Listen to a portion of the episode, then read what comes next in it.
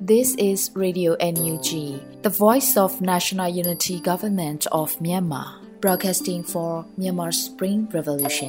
Radio NUG is transmitting from shortwave 16 meter 17.79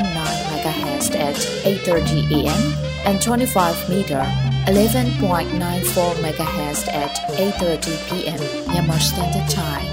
မင်္ဂလာပါရှင်။ မြို့သားညီညွတ်ရေးအစိုးရရဲ့အတန်လွန်ဌာန Radio NUG ကိုမနက်ပိုင်း၈နာရီခွဲမှာလိုင်းတူ16မီတာ19.89 MHz ညပိုင်း၈နာရီခွဲမှာလိုင်းတူ25မီတာ17.6 MHz တို့မှာဓာတ်ရိုက်ဖမ်းယူနိုင်စေနိုင်ပါရှင်။မင်္ဂလာအပေါင်းနဲ့ပြည့်စုံကြပါစေ။အခုချိန်ကစပြီး Radio NUG အစီအစဉ်လေးကိုဓာတ်ရိုက်အတန်လွှင့်ပေးနေပါပြီရှင်။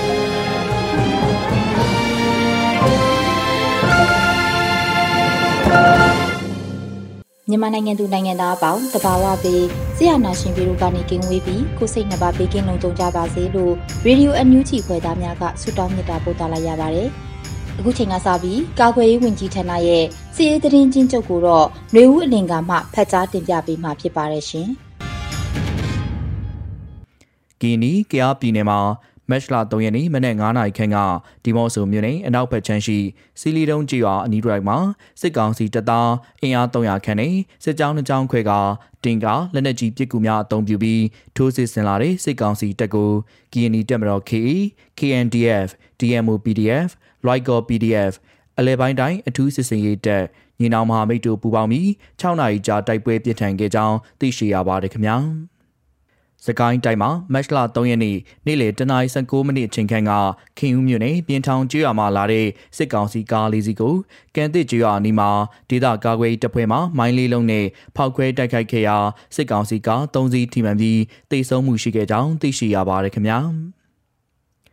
မကွေးတိုင်းမှာမတ်လ2ရက်နေ့နေ့လယ်တနာရီ10မိနစ်ခန့်ကရေစကြိုမြို့နယ်ရေစကြိုမြို့အဝင်းမှာစစ်ကောင်စီကားတစ်စီးကိုပြည်သူ့ကာကွယ်ဖွဲ့ရေစကြိုမြို့ကမိုင်းနှလုံးနဲ့မိုင်းဆွဲတိုက်ခိုက်ခဲ့ရာစစ်ကောင်စီတပ်သားများထိခိုက်ဒဏ်ရာရရှိခဲ့ကြောင်းသိရှိရပါတယ်ခင်ဗျာ။မန္တလေးတိုင်းမှာမတ်လ3ရက်နေ့ကမနက်09:30မိနစ်ဝန်းကျင်ခန့်မှာကြောက်စဲမြို့နယ်ကြောက်စဲမြို့ရှိ KI ထွေထွေအုပ်ချုပ်ရေးမှူးရုံးအားကြောက်စဲကာကွယ်တပ်ဖွဲ့ KTDF မှ လက်ပစ်ပုံးနှလုံးနဲ့ပြစ်ခတ်တိုက်ခိုက်ခဲ့ကြောင်းသိရှိရပါတယ်ခင်ဗျာဆလဘီစစ်ကောင်စီကကျူးလွန်တဲ့ရာဇဝမှုတွေကိုတင်ဆက်ပေးကြပါမယ်ချင်းပြည်နယ်မှာမတ်လ2ရက်နေ့ကဟာခါမြို့နယ်မှာစစ်ကောင်စီတပ်မှပစ်ခတ်နေတဲ့လက်နက်ကြီးများကြောင့်ရန်တလူကျေးရွာရှိနှစ်ချင်းဖျားကျောင်းတစ်ကျောင်းမီးလောင်ပျက်စီးခဲ့ရကြောင်းသိရှိရပါတယ်ခင်ဗျာ။ စကိုင်းတိုင်းမှာမတ်လ3ရက်နေ့ကကျွန်းလာမြို့နယ်ဝေလမှုကျေးရွာနဲ့ကုန်းစည်းကျေးရွာရှိနေအိမ်နဲ့ဆိုင်ကယ်များကိုစစ်ကောင်စီတပ်သားများကမိရှုဖျက်ဆီးခဲ့ပြီးရွာသားများပိတ်မိနေခဲ့ကြောင်းသိရှိရပါတယ်ခင်ဗျာမကွေးတိုင်းမှာမတ်လ3ရက်နေ့မနက်ပိုင်းကပေါက်မြို့နယ်လက်ပံလှကျေးရွာကိုစစ်ကောင်စီတပ်သားများနဲ့ပြူစောထီးများကမိရှုဖျက်ဆီးခဲ့ကြောင်းသိရှိရပါတယ်ခင်ဗျာ။ မက်ရှလာ2ရက်နေ့ကည9:30မိနစ်အချိန်ခန့်မှာပေါက်မြို့နယ်လေရွာကိုစစ်ကောင်စီတပ်သားများနဲ့ပြူစောထီးများကစစ်ကြောင်းထိုးဝင်ရောက်မှွေနှောက်ခဲ့ပြီးမိရှို့ဖျက်ဆီးခဲ့ကြောင်းသိရှိရပါတယ်ခင်ဗျာမက်လာ2ရက်နေ့မနေ့ပိုင်းကရေစကြိုမြို့နယ်ကံဘက်ကျွော်ကိုစစ်ကောင်စီတပ်သားများနဲ့ပြူစောထီးများမှဝင်ရောက်မှွေနှောက်ခဲ့ပြီးနေအိမ်များကိုဖျက်ဆီးပစ္စည်းဥစ္စာများကိုခိုးယူခဲ့တဲ့အပြင်တွေ့သမျှဆိုင်ကယ်များကိုဖျက်ဆီးကတဲတလုံးကိုလည်းမိရှို့ဖျက်ဆီးခဲ့ကြောင်းသိရှိရပါတယ်ခင်ဗျာ။ မက်လာတရက်နေ့ကဂန်ကောမြို့နယ်မှာစစ်ကောင်စီတပ်သားများနဲ့ပြူစောတိအင်အား120ခန်းကကုန်းရွာမှနေအိမ်36လုံးကိုမိရှို့ခဲ့ပြီးစိတ်ကြမ်းမာရေးချွေရင်းနေတဲ့ပြည်သူသူကိုပြစ်တက်ခဲ့ပြီးနောက်မြင်းသားကျွော်မှာနေအိမ်နှလုံးကိုလည်းမိရှို့ခဲ့ကပျောက်ဆုံးပြည်သူတူးရှိနေကြောင်းသိရှိရပါတယ်ခင်ဗျာမန္တလေးတိုင်းမှာ မက်လာ2ရက်နေ့ညနေ4နာရီခန့်ကအမရပူရမြို့နယ်မှန်တန်းရက်ွက်ရှိနေအိမ်တိမ်မှာမန္တလေးပညာရေးဒီဂရီကောလိပ်ကျောင်းသားများတမကဘကတာများအဖွဲ့ချုပ်အတွင်မှုမတ်သီရိယတနာဥက္ကဋ္ဌဦးအောင်မျိုးကိုနဲ့စင်ကူးမြို့နယ်မကွေးမတရားကျွာကအမကမူလွန်ကျောင်းမှ CDM ကျောင်းဆရာကိုကျော်စင်လက်တို့အားအကြမ်းဖက်စစ်ကောင်စီများကပန်းစည်းခေါ်ဆောင်သွားခဲ့ကြောင်းသိရှိရပါတယ်ခင်ဗျာ။ မက်လာ2ရက်နေ့ည8နာရီခန့်ကမဟာအောင်မြေမြို့နယ်42လမ်းနဲ့42လမ်းကြား88လမ်းနဲ့89လမ်းကြားရှိလင်မယား2ဦးအားစစ်ကောင်စီများကကားကြီးတစ်စီးနဲ့လာရောက်ဖမ်းဆီးသွားခဲ့ကြောင်းသိရှိရပါတယ်ခင်ဗျာရန်ကုန်တိုင်းမှာမတ်လ3ရက်နေ့မနက်ပိုင်းကစမ်းချောင်းမြို့နယ်ရှင်စောဘူးရက်ွက်ရှိစစ်ကောင်စီရဲ့စစ်ကြောရေးမှာမတရားတပ်ခံခဲ့ရတဲ့အလွတ်တန်းတရင်တောက်ကိုစိုးနိုင်ရဲ့နေအိမ်ကိုစစ်ကောင်စီများကချိတ်ပိတ်သွားခဲ့ကြောင်းသိရှိရပါတယ်ခင်ဗျာ မက်လ2ရက်နေ့မွန်လယ်ပိုင်းကဒဂုံမြို့တိအရှိပိုင်းမြို့နယ် HIV ဝေဒနာသည်ကလေးများကိုစောင့်ရှောက်ပေးနေတဲ့ NEC KH ရဲ့စေတနာဝန်ထမ်းတာဝန်ခံကိုရာစာအားစစ်ကောင်စီမှဖမ်းဆီးသွားခဲ့ကြောင်းသိရှိရပါတယ်ခင်ဗျာ။မက်လ3ရက်နေ့ကအင်းစိန်မြို့နယ်ဖော်ကန်ရဲဘော်9လမ်းမှာမင်္ဂလီတူအားစစ်ကောင်စီမှဖမ်းဆီးသွားခဲ့ကြောင်းသိရှိရပါတယ်ခင်ဗျာ ယခုတင်ဆက်သွားတဲ့သတင်းတွေကိုမြေပြင်သတင်းတာဝန်ခံများနဲ့သတင်းဌာနတွေမှာဖော်ပြလာတဲ့အချက်လက်တွေပေါ်အခြေခံပြုစုထားခြင်းဖြစ်ပါတယ်ကျွန်တော်ကတော့ຫນွေဦးလင်ပါ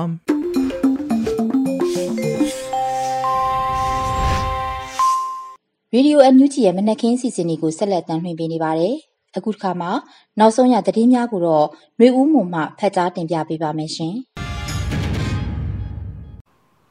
င်္ဂလာပါရှင်နောက်ဆုံးရသတင်းများကိုတင်ဆက်ပေးသွားမှာပဲဖြစ်ပါတယ်အခုတင်ဆက်မဲ့သတင်းတွေကိုတော့ Radio Energy သတင်းတာဝန်ခံတွေနဲ့ခိုင်လုံတဲ့မိဖက်သတင်းရင်းမြစ်တွေကအခြေခံတင်ပြထားတာပဲဖြစ်ပါတယ်ကျွန်မຫນွေဦးမှုပါမြန်မာနိုင်ငံဆိုင်ရာအာဆီယံအထူးကိုယ်စားလှယ်မြန်မာပြည်လာရောက်မဲ့ခီးစဉ်အကြောင်းဥစွာတင်ပြပေးပါမယ်။မြန်မာရေးဖြည့်ရှင်းနိုင်ဖို့အာဆီယံအထူးတန်တမန်ရဲ့ပထမဆုံးမြန်မာခီးစဉ်ကိုမတ်လ20ရက်နေ့မှာစတင်မဲ့အာဆီယံအထူးတန်တမန်ဖြစ်သူကမ္ဘောဒီးယားနိုင်ငံသားရေးဝန်ကြီး ပရက်ဆော့ခွန်ကမတ်လ2ရက်မှာထုတ်ဖော်ပြောဆိုလိုက်ပါတယ်။ကမ္ဘောဒီးယားနိုင်ငံကအာဆီယံအလှည့်ကျဥက္ကဋ္ဌအဖြစ်တာဝန်ယူနေခြင်းဖြစ်ပြီးကမ္ဘောဒီးယားနိုင်ငံသားရေးဝန်ကြီးပရက်ဆော့ခွန်ကတော့အာဆီယံရဲ့အထူးကိုယ်စားလှယ်ဖြစ်လာပါတယ်။မြန်မာပြည်ခီးစဉ်ဟာမတ်လ20ရက်နေ့ကနေ23ရက်ထိ3ရက်ကြာမယ်လို့လည်းသူကပြောပါတယ်။သူ့ရဲ့မြန်မာပြည်ခီးစဉ်မှာအာဆီယံခေါင်းဆောင်တွေကြားရရှိထားတဲ့ဘုံသဘောတူညီချက်၅ရပ်ကိုအကောင့်ထဲဖော်နိုင်ရေးကိုပဲဆက်လက်အားထုတ်မယ်လို့သူကဆိုပါတယ်။သူ့ရဲ့မြန်မာပြည်ခီးစဉ်တွေမှာ သက်ဆိုင်သူအားလုံးပါဝင်ပတ်သက်သူတွေအားလုံးနဲ့တွေ့ဆုံမှုအစီအစဉ်ထားကြောင်းရန်ကုန်ကစေယုံတယုံကိုလူသားချင်းစာနာမှုအကူအညီပေးတာတွေလည်းလုပ်မဲ့အကြောင်းအာဆီယံနိုင်ငံသားဝင်ကြီးများအစည်းအဝေးအပြီးသတင်းစာရှင်းလင်းပွဲမှာပြောထားပါတယ်။အာဆီယံဥက္ကဋ္ဌကမ္ဘောဒီးယားဝန်ကြီးချုပ်ဟွန်ဆင်ရဲ့ကနအူးစူးစမ်းမှုချစ်လဲများအရာတော့ထောင်ချခံထားရတဲ့မြန်မာလူလူခေါင်းဆောင်ကိုတွေ့ခွင့်ပေးမှာမဟုတ်ဘူးလို့စစ်အုပ်စုဘက်ကညင်းဆိုထားပါတယ်။ဆက်လက်ပြီးအာဆီယံအထူးကိုယ်စားလှယ်ရဲ့မြန်မာပြည်တွင်ခီးစဉ်မှာ ထောင်နှံကျနေတဲ့ဒေါအောင်ဆန်းစုကြည်ပါဝင်ဘယ်လိုလူပုဂ္ဂိုလ်အဖွဲ့အစည်းတွေနဲ့တွဲဆုံမယ်ဆိုတာကတော့အထူးတန်ကထုတ်မပြောထားပါဘူး။ဒီခေတ်တုန်းကဘရူနိုင်းနိုင်ငံသားဝန်ကြီး Yara Yusuf ကအာဆီယံအထူးတန်တာဝန်ကိုယူခဲ့ပြီးသူ့ရဲ့မြန်မာပြည်ခီးစဉ်မှာဒေါအောင်ဆန်းစုကြည်ပါဝင်သက်ဆိုင်သူဗပောင်းစုံနဲ့တွေ့ဆုံမှုကြိုးစားခဲ့ပါသေးတယ်။အဲဒီတုန်းကလည်းဒေါအောင်ဆန်းစုကြည်ဟာအမှုရင်ဆိုင်နေရသူဖြစ်တဲ့ဆိုတဲ့အချက်ကိုအာနာသိန်းစစ်အုပ်စုဘက်ကဆွဲကင်ပြီးညှင်းဆန်ခဲ့ပါသေးတယ်။ကျန်းဖက်စစ်ကောင်စီဘက်ကတော့ တိုင်းသားလက်နက်ကိုင်းဒေသအပါအဝင်တော်လှန်ရေးဖွဲ့အစည်းများရှိတယ်လို့ယူဆတဲ့ရွာများကိုနေ့စဉ်ဒီပါမီးရှို့ဖျက်ဆီးမှုတွေလှုံ့ဆော်နေဆဲဖြစ်ပါတယ်။ဒါအပြင်လူလူကောင်းဆောင်ဒေါအောင်ဆန်းစုကြည်နဲ့ပတ်သက်တဲ့ရည်တည်ချက်မပြောင်းလဲကြောင်းစေအုပ်စုကတုံ့ပြန်ထားဆဲဖြစ်ပါတယ်။ခုတစ်ချိန်မှာတော့အာဆီယံအထူးတန်တမန်သစ်အနေနဲ့မြို့သားဒီမိုကရေစီအဖွဲ့ချုပ်ပါတီဝင်တွေနဲ့တွေ့ဆုံလေတဲ့ဆိုရင်တွေ့ဆုံခွင့်ပေးမဲ့အကြောင်းပြောဆိုထားတာရှိပြီးဘယ်သူကိုရွေးချယ်ပြီးတွေ့ဆုံစေမလဲဆိုတာတော့ရှင်းရှင်းလင်းလင်းမသိရသေးပါဘူးရှင် ဒုတိယသတင်းကတော့ကလေးမြို့နယ်မှာပြည်သူ့အုပ်ချုပ်ရေးရန်နီယလဲပတ်နိုင်ရန်ပြည်သူရဲတပ်ဖွဲ့များကွင်းစင်းစစ်ဆေးခဲ့ကြတဲ့အကြောင်းပဲဖြစ်ပါတယ်။စကိုင်းတိုင်းကလေးမြို့နယ်တွင်ပြည်သူ့အုပ်ချုပ်ရေးရန်နီယလဲပတ်စီရန်နဲ့အုပ်ချုပ်ရေးအဖွဲ့များဖွဲ့စည်းရန်ကြေးရွာပေါင်း30တရွာကိုကွင်းစင်းစစ်ဆေးခဲ့ကြတယ်လို့ကလေးမျိုးနယ်ပြည်သူ့ရဲတပ်ဖွဲ့ကလေး police service ကမတ်လ3ရက်နေ့မှာသတင်းထုတ်ပြန်ထားပါတယ်။ဆိုပါကွင်းစင်းဆောင်ရွက်မှုကိုဖေဖော်ဝါရီ1ရက်မှ28ရက်ထိတလအတွင်းဆောင်ရွက်ထားရှိမှုဖြစ်ပြီး အဲ့ဒီလုပ်ငန်းစဉ်များနဲ့အတူတရားဥပဒေစိုးမိုးရေးရွရွအေဂျင့်တာယာရေးများကိုလည်းပူးတွဲလှုပ်ဆောင်ခဲ့ကြောင်း KBS ကပြည်သူ့ထံအစည်းအဝေးခန်းစာတင်ပြခဲ့ပါတယ်။တရားဥပဒေစိုးမိုးလုပ်ငန်းများမှာမူရည်စေဝါဖန်ဆီးရရှိမှု25မှုကိုစစ်ဆေးခဲ့ပြီးလက်ဝဲရောင်းချသူ3ဦးကိုပြည်ထန်ကြခံနိုင်ရေးဆောင်ရွက်ထားပြီးသုံးဆွဲသူ22ဦးကိုလုံလောက်တဲ့ခံဝန်ပေးထားကြောင်းထုတ်ပြန်ချက်ကဖော်ပြထားပါတယ်။အလားတူကလေးမျိုးနယ်တွင်ဖြစ်ပွားတဲ့တငယ်မရေမှုတမှုနဲ့ လီဆယ်တိုင်းတန်းမှုတမှုတို့ကိုစုံစမ်းဖော်ထုတ်ထားပြီးဖြစ်ကြောင်းပြစ်မှုကျူးလွန်သူများကိုထိရောက်တဲ့ပြည်ထန်ချမှတ်နိုင်စေရန်အကျဉ်းတော်တစ်ခုတိစောက်လျက်ရှိကြောင်းကိုလည်း KBS ကသတင်းထုတ်ပြန်ထားပါတယ်။လူမြောက်နယ်မြေလို့ပြောလို့ရတဲ့နေရာပါပြည်သူစစ်မဟာဗျူဟာအရစစ်ခွေးတွေကိုလူလူကမပူးပေါင်းတော့သူတို့ကဘလို့မှအုပ်ချုပ်လို့မရဘူးလေလို့ဂျင်းအောင်တိဆောက်နေမှုနဲ့ပတ်သက်ပြီး KPS မှပြည်သူရဲဘော်တူကပြောပါတယ်လူတဦးမှသူကျိုးလွန်တဲ့ရာဇဝမှုအတွက်ထိုက်တန်တဲ့ကုစားမှုဆိုတာရှိပါတယ်။ လွလှုပ်ပေးလို့အစင်မပြေသလိုတစ်ဖြတ်တာကလည်းတဘာဝမကြပါဘူးအဲဒါကြောင့်ထိရောက်တဲ့ကုစားမှုဖြစ်တဲ့အကျဉ်းတော်ကိုမြို့နယ်ပအားဖ PDF ကလေးရဲ့ကြီးကြပ်မှုနဲ့စောင့်လုပ်နေတဲ့အကြောင်းအဖွဲ့ဝင်များကပြောပါတယ်အနာပိစရေး CDM လှုပ်ရှားမှုအပါအဝင်ပြည်သူ့ရဲတပ်ဖွဲ့ယာယီအုပ်ချုပ်ရေးကော်မတီဖွဲ့စည်းကြောင်းကိုလည်းမြို့သားညီညွတ်ရေးအစိုးရ NUG ပြည်ထရေးနဲ့လူဝင်မှုကြီးကြပ်ရေးဝန်ကြီးဌာနက2021အောက်တိုဘာ9ရက်မှာသတင်းထုတ်ပြန်ကြေညာခဲ့ပြီးလည်းဖြစ်ပါတယ်။ KBS ရဲ့အကောင့်ထဲပေါ်ဆောင်ရွက်နေမှုများမှာ CDM ရဲတပ်ဖွဲ့များနဲ့မိသားစုများအားပြန်လည်စူးစီးပြီးဘေးကင်းလုံခြုံမှုရှိစေရေးစီမံဆောင်ရွက်ပေးနိုင်ရန်ရည်ရွယ်ချက်လဲပါဝင်ပြီးကော်မတီဖွဲ့စည်းထားမှုလည်းရှိတယ်လို့သိရပါတယ်။လက်ရှိမှာခရယားပြည်နယ်နဲ့ချင်းပြည်နယ်တို့မှာစီဒီအမ်ပြုလုပ်ထားတဲ့ရဲများစုဖွဲ့ပါဝင်တဲ့ပြည်သူရဲတပ်ဖွဲ့များဖွဲ့စည်းကဒေတာအတွင်းတရားဥပဒေစိုးမိုးရေးပါဝင်ရဲလုပ်ငန်းအချို့စတင်ဆောင်ရွက်လျက်ရှိနေပါပြီ။မြို့သားညီညွတ်ရေးအစိုးရ ပြည်ထရေးနှင့်လူဝင်မှုကြီးကြပ်ရေးဝန်ကြီးဌာနကကြီးကြပ်ဆောင်ရွက်နေတဲ့ဂျာကာလာအုပ်ချုပ်ရေးရန်တရားစတင်လက်ပတ်နိုင်ရေးအတွက်ကလေးမြို့နယ်ပြည်သူ့အုပ်ချုပ်ရေးအောက်တွင်ဖွဲ့စည်းထားသောကလေးမြို့နယ်ပြည်သူ့ရဲတပ်ဖွဲ့အနေဖြင့် PDF ကလေးနယ်မြေထိန်ချုပ်ထားတဲ့ကြွေရများတွင်ရရွာအေဂျင့်သားရရေးနှင့်တရားဥပဒေစိုးမိုးရေးအတွက်ပြည်သူကိုဝန်ဆောင်မှုပေးနေကြောင်းသိရှိရပါတယ်ရှင်။ဆက်လက်ပြီးစကောင်စီရဲ့အကြံဖတ်မှုများကိုလက်မခံနိုင်တော့တဲ့လေးရက်စစ်သည်များပြည်သူဘက်ကိုဝင်ရောက်ရက်တီလာနေတဲ့သတင်းကိုတင်ပြပေးပါမယ်။ ပြည်သူလူထုကိုအကြမ်းဖက်တပ်ဖြတ်နေတဲ့စစ်ကောင်စီလူရဲများကိုလက်မခံနိုင်တော့တဲ့လက်အောက်ခံတပ်ဖွဲ့ဝင်တွေဟာမိမိတို့ဂုံတိတ်ခမိမိတို့မျိုးဆက်တွေရဲ့ဂုံတိတ်ခကိုပြန်လည်ရယူဖို့ကြိုးစားလာနေကြပါတယ်။ဆီယနာရှင်ရဲ့လက်ကင်တို့အဖြစ်ကယုံထွက်ပြီးပြည်သူဘက်သို့ကူးပြောင်းရတူလာမှုများတဖြည်းဖြည်းပုံမှုများပြားလာနေပါတယ်လို့ပြည်သူရင်ဝင်ခိုလုံသူများအရေးဆောင်ရွက်နေတဲ့ပြည်သူပန်းနိုင်အဖွဲ့ကထုတ်ပေါ်ရေးသားလိုက်ပါတယ်။စကိုင်းတိုင်းမကွေးတိုင်းကီယနီပြည်နယ်စတဲ့ဒေသတွေမှာစစ်ကောင်စီလေးတဲ့ဘက်ကလေကြောင်းတိုက်ခိုက်မှု ရွာလုံးကျုပ်မိရှုဖျက်ဆီးမှုတွေဆိတ်လာစင်မှာပဲအာနာသိန်းစစ်ကောင်စီရဲ့အခုလိုပြည်သူအပေါ်တပ်ဖြတ်မှုများကိုယွန်းရှာလာတဲ့လေးတဲ့စစ်သည်များအခုလို CDM ဝင်ရောက်လာမှုတွေဖြစ်ပေါ်ခဲ့တာပါ။အဲ့ဒီလိုပြည်သူ့ဘက်ရဲတည်နိုင်မှုအတွက်ပြည်သူ့ပန်းနိုင်ဖွဲ့ဟာဆက်သွယ်ချိတ်ဆက်ပြီးလူမြောက်နေမည်များကိုပို့ဆောင်ပေးနိုင်ခဲ့တယ်လို့သတင်းထုတ်ပြန်ပါတယ်။ဖွဲ့ကိုဆက်သွယ်လာတဲ့တက်မတော်လေးကဘိုးကြီးမုတ်တုံနဲ့လေချောင်းရန်ကာကွယ်ရေးတရင်မှတပ်သားသီးဟာနိုင်တို့ဟာ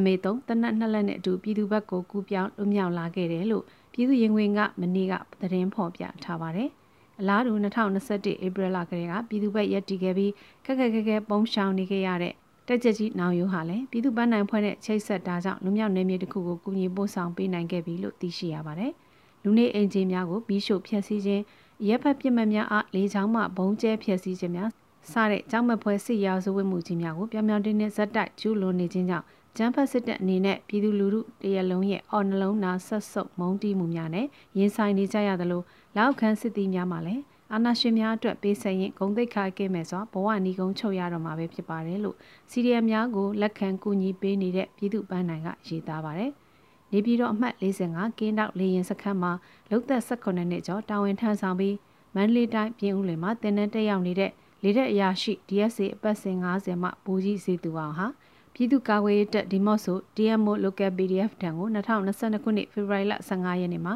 မိသားစုနဲ့အတူ CDM ပြုလုပ်ခဲ့ပြီးဖေဖော်ဝါရီလ28ရက်နေ့မှစလို့အာနာသိန်းစစ်တပ်ရဲ့ရက်ဆက်လူမဆန်မှုများအကြောင်းကိုပြည်သူထံချပြပြောဆိုလာတာကိုလည်းတွေ့ရှိရပါတယ်။ဂျမ်ဖတ်စစ်တပ်ကိုစွန့်ခွာလိုကြတဲ့စစ်သည်များအားကူညီရန်ပြည်သူပန်းနိုင်အဖွဲ့ဟာရခိုင်ပြည်သူစစ်သား People's Soldier အဖွဲ့မှပါဝင်ခဲ့တဲ့ပြည်သူများရဲ့ဦးဆောင်မှုနဲ့ပြည်သူခြေပြုအဖွဲ့အစည်းဖြစ်ပြောင်းလဲဖွဲ့စည်းထားတယ်လို့သိရှိရပါတယ်။ ပြည်သူရင်ဝင်ကိုယခုချိန်ထိခိုးလုံမှုအခက်အခဲရှိနေတဲ့စစ်တပ်ရရှိရာခံများဟာခိုင်သမျှလုံနေရဆဲဖြစ်ပါတယ်။ကက်ခဲမျိုးစုံကြောင့်စီဒီအမ်ရေးမှာကူညီလူသူများကိုပြည်သူပန်းနိုင်ကဲ့သို့ကူညီပေးရေးအဖွဲ့တွေကလည်းနှီးမျိုးစုံဖြင့်ကူညီနိုင်ရန်စ조사နေကြပါတယ်ရှင်။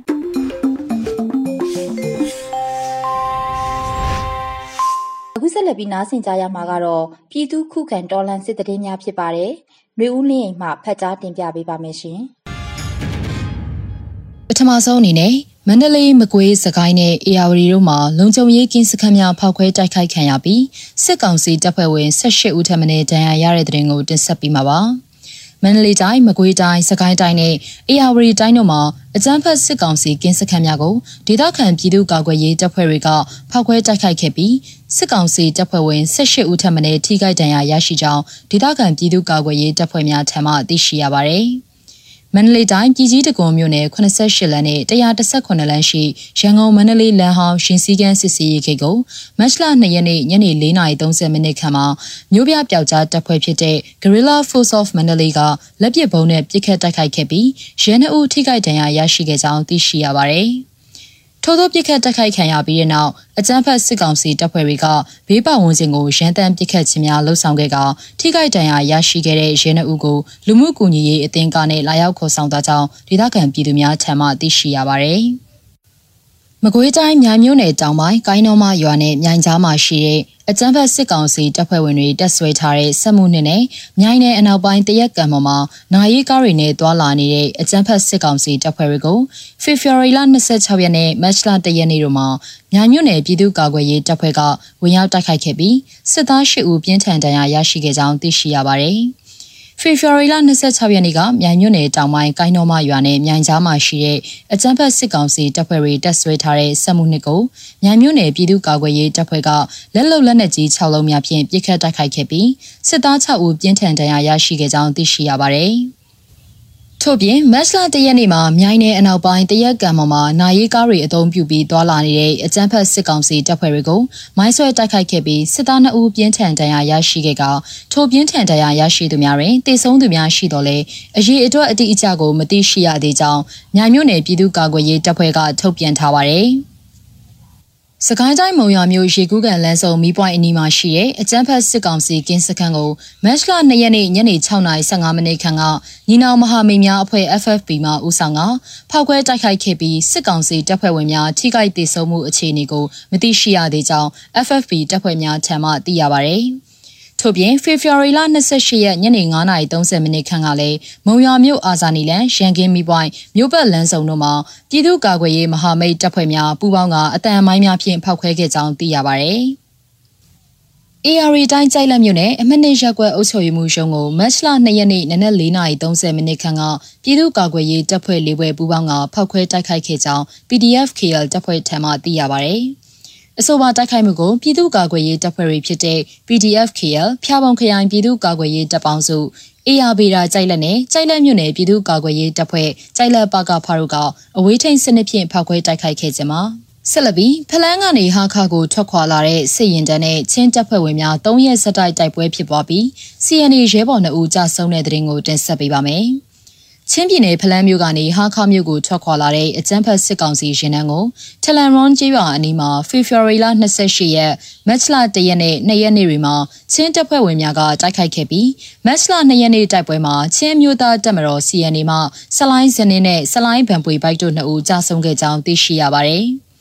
အဆိုပါအကြမ်းဖက်စစ်ကောင်စီရင်နှန်းဟာဖလန်းကနေဟာခါကိုဖေဖော်ဝါရီလ29ရက်နေ့ကစတင်ထွက်ခွာလာခဲ့ခြင်းဖြစ်ပြီးချင်းတပ်ဖွဲ့နဲ့တိုက်ပွဲအတွင်းစစ်ကောင်စီတပ်သားတိုက်ဆုံဒဏ်ရာရတဲ့အရေးအတွက်ကိုမသိရှိရသေးပါဘူး။တုံးရက်စတိုက်တိုက်ပွဲဖြစ်ပွားခဲ့ပြီးနောက်အကြမ်းဖက်စစ်ကောင်စီတပ်ဖွဲ့ဟာမတ်လ2ရက်နေ့ညနေပိုင်းကတောက်ထက်ကြီးရွာကိုမီးရှို့ဖျက်ဆီးခဲ့ကြောင်းသိရှိရပါတယ်။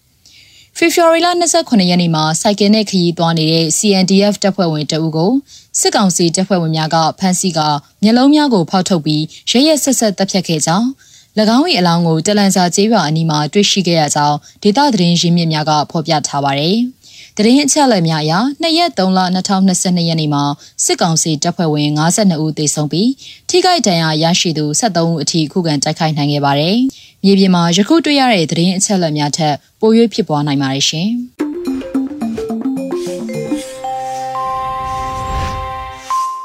ရေဒီယိုအန်ယူဂျီရဲ့မနက်ခင်းစီစဉ်တွေကိုဆက်လက်တင်ပြနေတာဖြစ်ပါတယ်။အခုတစ်ခါ PPTV ရဲ့နေ့စဉ်သတင်းများကိုတော့မျိုးတော်တာမှဖတ်ကြားတင်ပြပေးပါမယ်ရှင်။အမျိုးသားညွရေးအစိုးရစီးပွားရေးနဲ့ကုသရေးဝယ်ရေးဝန်ကြီးဌာနအနေနဲ့စီးပွားရေးပိတ်ဆို့မှုဆိုင်ရာအလုပ်ရုံဆွေးနွေးပွဲကိုဖေဖော်ဝါရီ28ရက်ညနေ6နာရီကနေ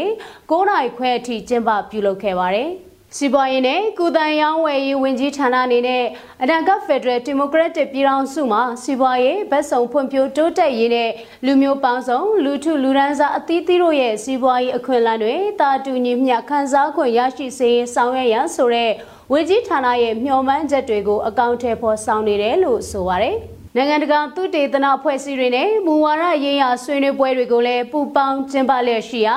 စီးပွားရေးနဲ့ကုသရေးရောင်းဝယ်ရေးဝန်ကြီးဌာနအနေနဲ့ကမ္ဘာလုံးဆိုင်ရာသုတေသနအဖွဲ့အစည်းတစ်ခုဖြစ်တဲ့ The International Growth Center IGC တို့နဲ့ပူးပေါင်းပြီး Discuss for Sections in Support of the Revolutionary Effort Council နဲ့အလုပ်ရုံဆွေးနွေးပွဲကိုပြုလုပ်ခဲ့တာလည်းဖြစ်ပါတယ်။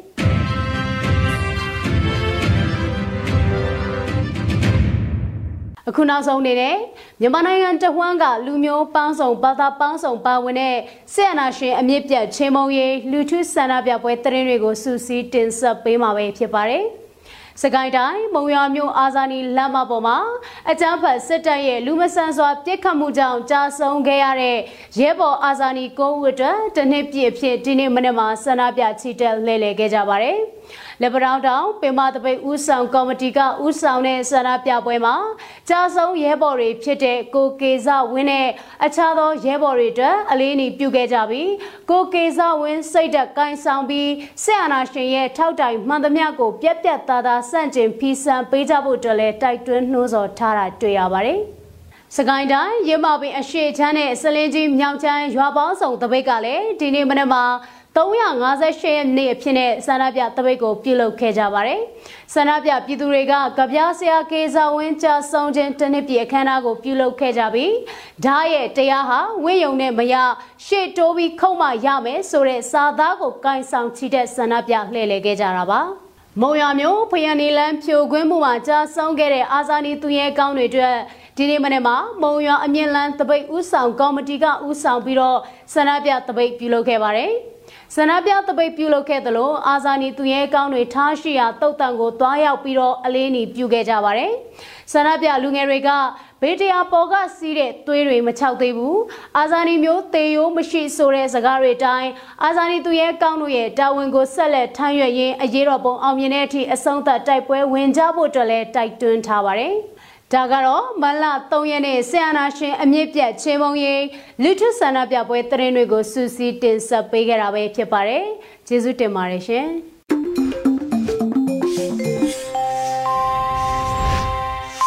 ရေဒီယိုအန်ယူဂျီမှာဆက်လက်တင်ပြနေပါတယ်။ဆက်လက်ပြီးတိုင်းရင်းသားဘာသာအစီအစဉ်အနေနဲ့ချိုးချင်းဘာသာစကားခွဲတစ်ခုဖြစ်တဲ့ကန်ဘာသာစကားထုတ်လွှင့်မှုကိုနားဆင်ကြရတော့မှာဖြစ်ပါတယ်။ ဒီစီစဉ်ကို Radio NUG နဲ့ချိုးချင်းဘာသာစကားထုတ်လွှင့်မှုအစီအစဉ်ဖွဲ့တို့ကပူးပေါင်းတင်ဆက်ပေးထားတာဖြစ်ပါတယ်ရှင်။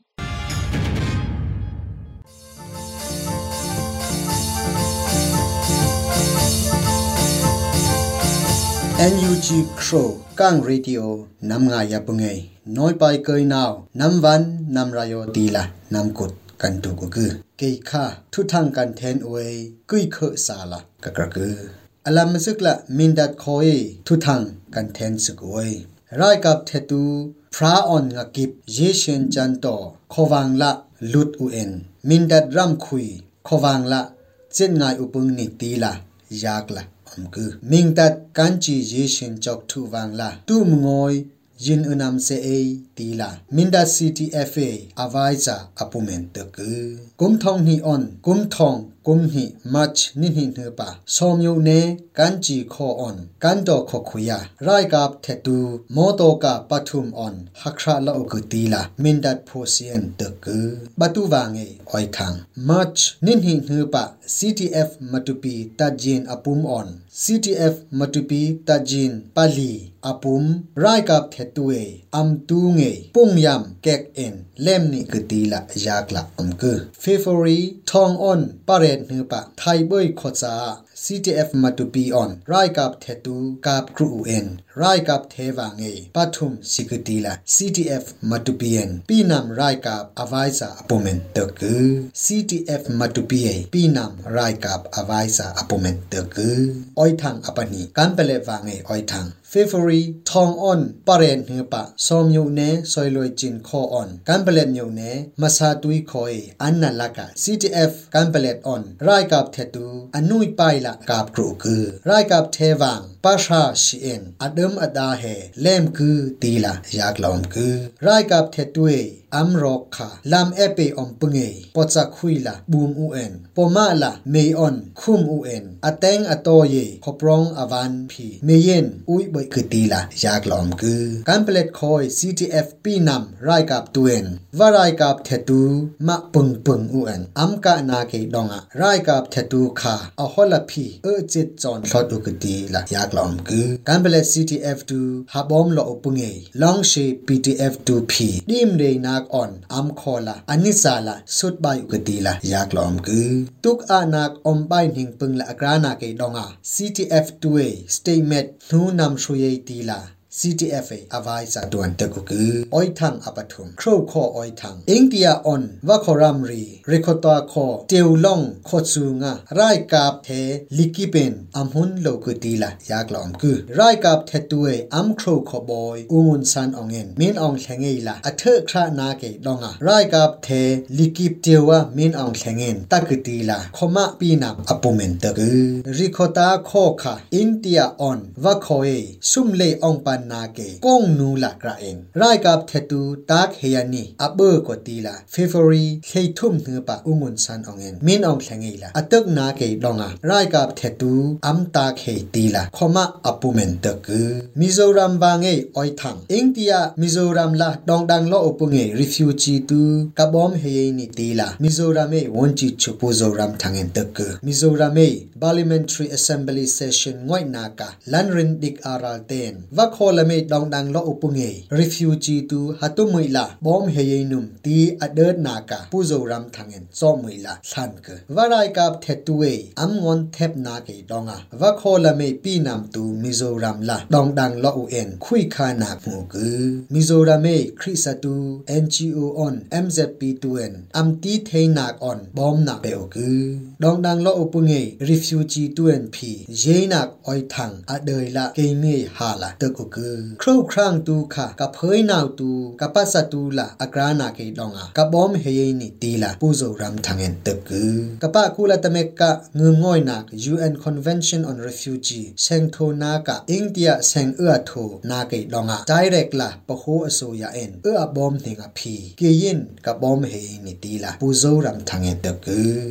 apangana oi thang ukraine on russia wa nge oi thang ราชาด้วยอัมตามตาปูติเนนยูเคร ရာရှာတွေ့အမ်တမတာပူတီနန်ယူကရိန်းခေါခါနှပ်လီခုယကမစ်မန်စကေနီတီလာငွန်းခရန်တေပန်အမရူရှာတွေ့ရိုက်ကပ်တူထုကအဒမ်လပ်လပ်ရှီအန်ချီရုပအကာနာဘယေဖီနှပ်လီကာနာကေနီအကရန်တီလာအက်စတိုးနီးယားရာမေရိုက်ကဘွိုင်အပိုမန်တကူ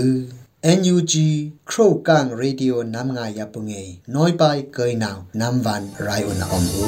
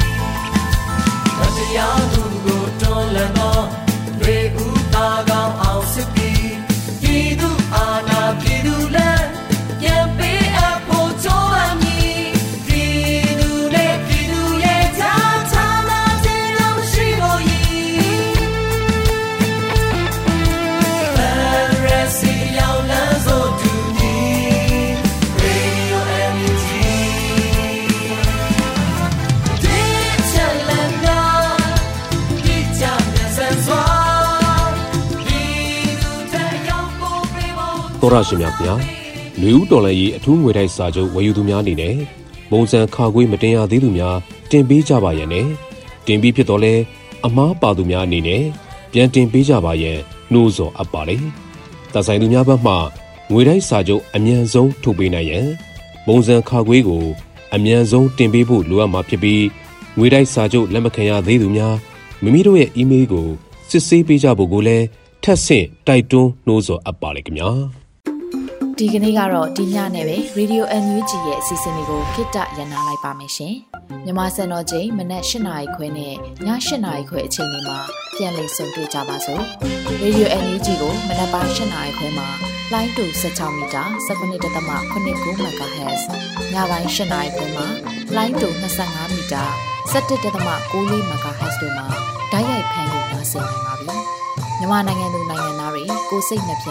ကျန်းမာချမ်းသာလို့ဘေးကင်းလုံခြုံကြပါစေလို့ Radio NUG အဖွဲ့သူဖွဲ့သားတွေကဆုတောင်းမေတ္တာပို့တာလိုက်ရပါတယ်ရှင်။မြေသားညီမတွေအစိုးရရဲ့စက်သွေးရေးသတင်းအချက်အလက်နဲ့လူပညာဝန်ကြီးဌာနကထုတ်လွှင့်နေတဲ့ Radio NUG ဖြစ်ပါတယ်။ San Francisco Bay Area အခြေစိုက်မြန်မာမိသားစုတွေနဲ့နိုင်ငံတကာကစေတနာရှင်လို့အားပေးနေတဲ့ Radio NUG ဖြစ်ပါတယ်။အရေးတော်ပုံအောင်ရမည်